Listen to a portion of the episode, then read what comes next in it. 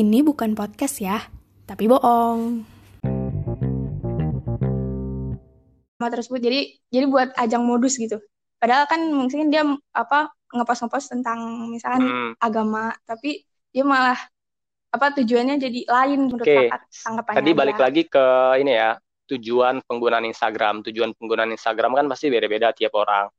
Ada penggunaannya yang untuk cari Iya. jodoh, anggaplah ya cari pacar atau apa. Ada yang pengen aktualisasi, pengen unjuk gigi gitu loh, ini lo gua gitu kan. Ada yang pengen Ya, bisnis, ada yang pengen memberikan manfaat. Nah, Ya, ada benar, juga orang-orang yang personal branding. Sebenarnya yang kayak gitu itu nggak bisa disalahin. Kayak Hmm. misalnya dia posting agama, posting kayaknya baik. Padahal kita tahu nih, mungkin di dunia nyatanya dia mungkin jar- jarang jarang sholat, Beda jarang apa gitu kan. Tapi kenyataannya kok so alim Iya. banget sih di sini.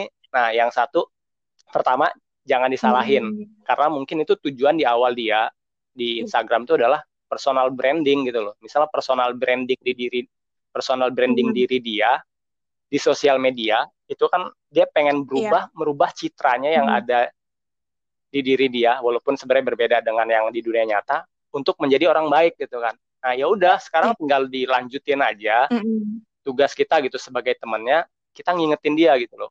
Bro, ayo misalnya Hmm.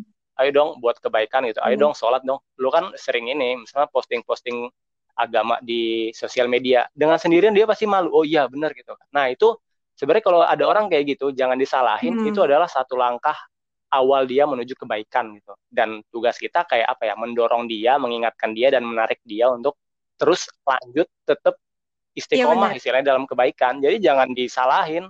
Gue Iya, sebenarnya nggak setuju kayak misalnya ada temen gue yang Mm-mm. apa ya satu teman-teman gue semua ngerasa dia tuh buaya lah gitu tanda kutip alah ini orang buat dia posting kebaikan posting sok-sok bijak posting-posting sok Iya. bijak itu cuma buat dapet cewek doang gitu kan karena kenyataannya memang dia ganti-ganti cewek gitu kan segala macam Hmm. tapi gue gue nggak pernah nganggep itu suatu kejelekan itu satu langkah awal yang baik buat dia gitu kan Wah.